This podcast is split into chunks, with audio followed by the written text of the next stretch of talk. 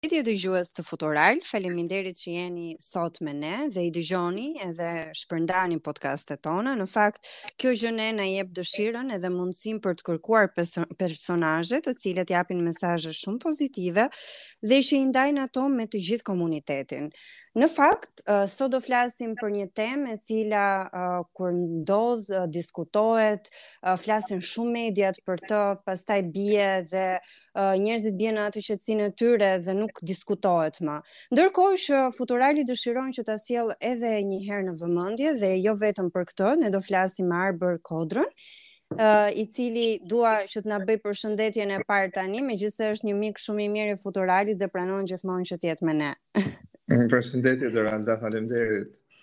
Uh, Arbër, faleminderit që pranove që të të ndash me ne eksperiencën tënde, por edhe për të kuptuar se si ndryshimet vijnë në shoqëri dhe unë fillimisht do doja që të flisnim për këtë pjesën e dhunës edhe mënyrës se si ne sillemi me njerëzit në momentin që mendojnë apo veprojnë ndryshe nga ne.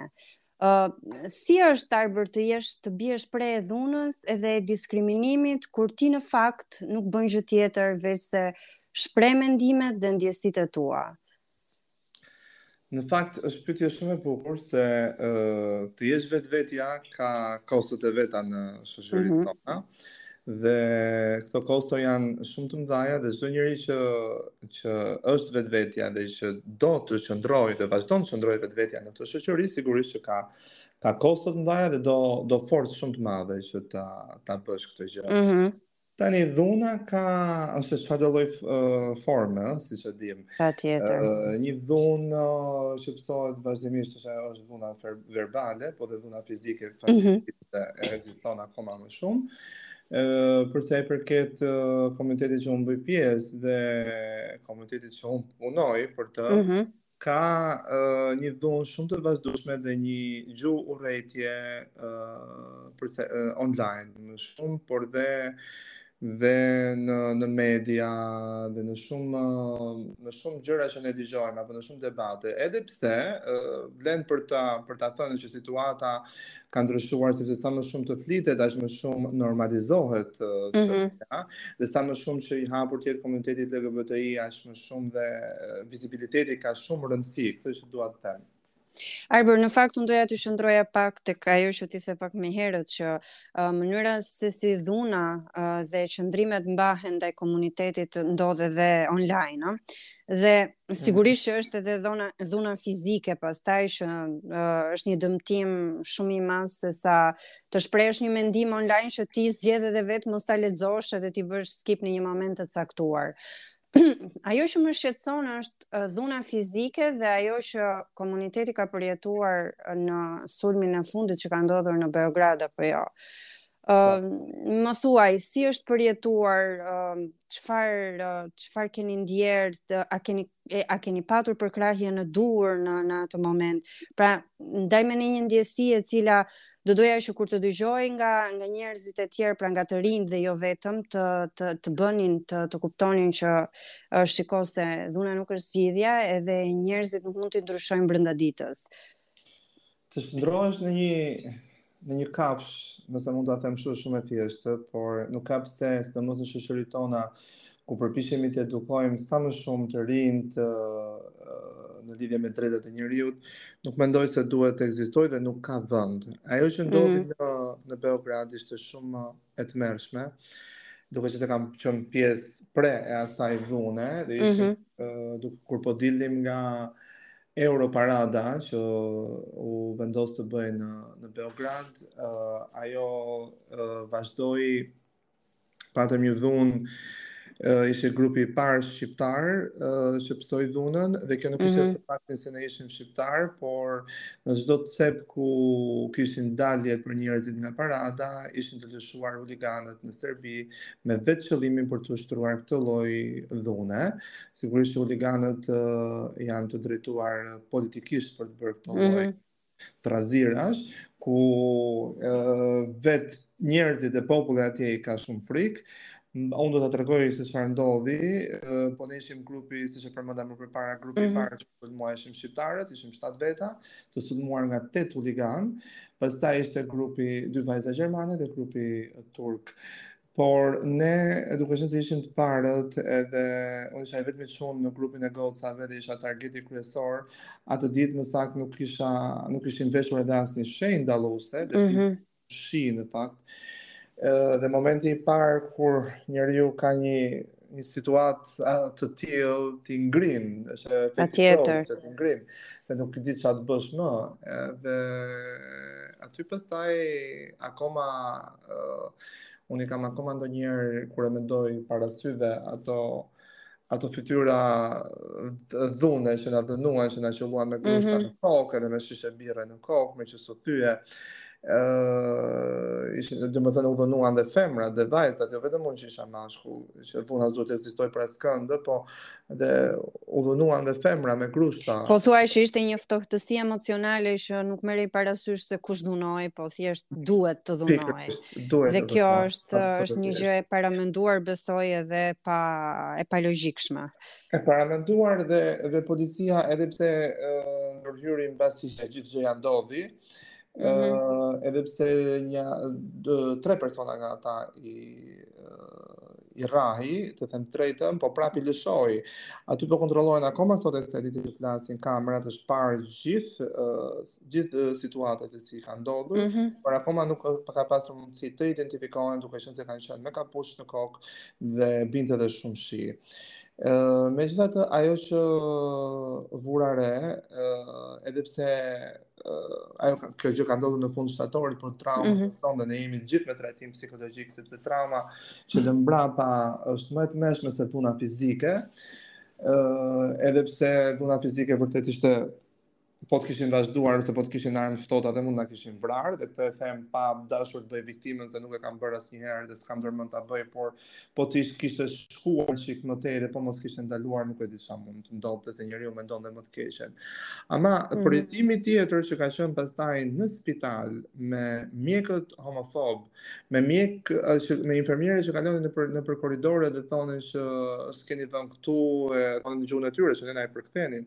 Dhe mjekja që refuzoi, apo më tepër mjekja që më vizitoi, duke qenë se isha i pari se kisha kokën të të ënjtur, Nuk shkruajti në raport, refuzoi në fillim dhe mhm. shkruajti ndryshe, shkruajti që këta njerëz u panë në rrugë dhe filluan të rrihen me njëri tjetrin.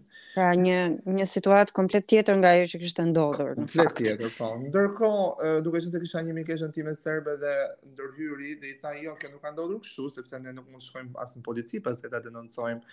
Duke u zënë bashkë me njëra tjetrën, mjekja e ndryshoi deklaratën dhe kur e firmosi e hodhi në fytyrë kësaj mikeshës serbe që do të thotë merre tani dhe ik.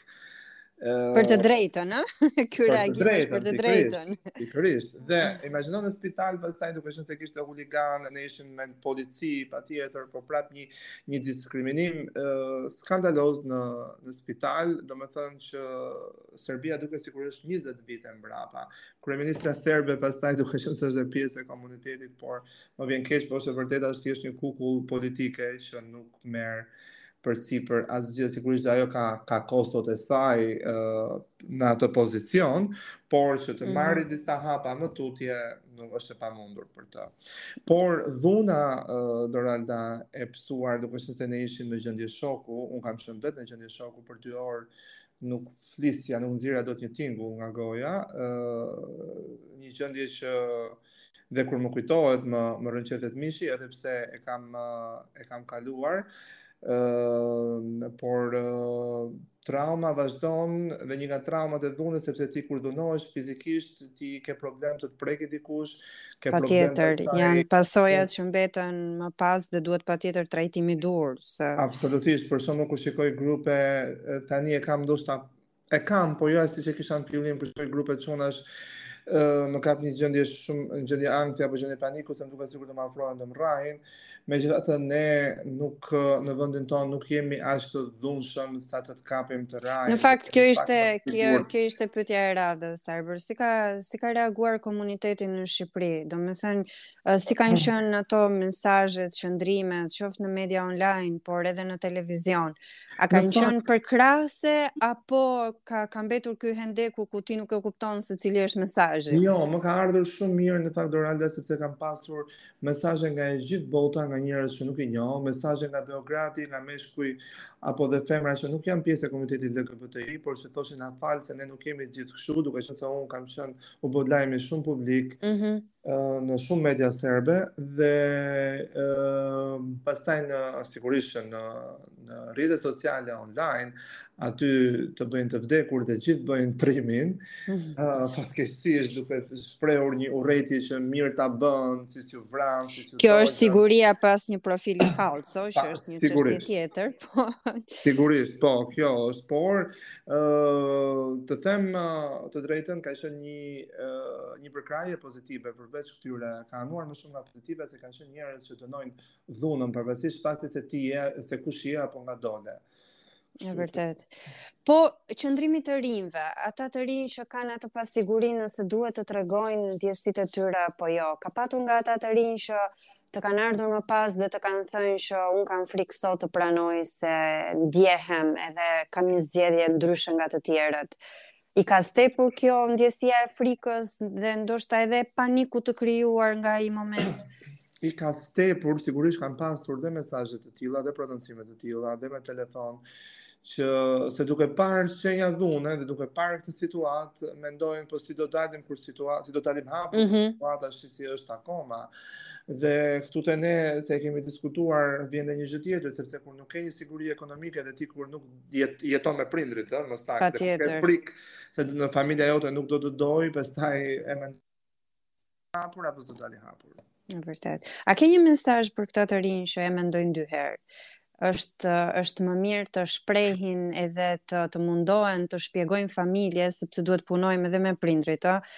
Ne me prindrit tanë punojmë çdo ditë për çdo risi, nga më e vogla deri tek rënjësorja Po, sa e nevojshme është që familjet shqiptare të mos kompleksohen nga komshiu, rrethi familjar, ku ta di unë, qyteti i vogël, sepse Arbër, uh, unë përpara se të nisnim uh, podcastin të shpjegova që ky podcast do, do shfaqet edhe në Pogradec, në Korçë, edhe në Tiranë me të rinj, dhe unë do doja që përveç faktit që të gjithë të rinjtë e Shqipërisë mund ta aksesojnë atë, një mesazh ndoshta më më special për ata të rinj që jetojnë në zona rurale, edhe qytete që janë të vogla, pavarësisht se mundohen edhe tentojnë të rriten çdo ditë.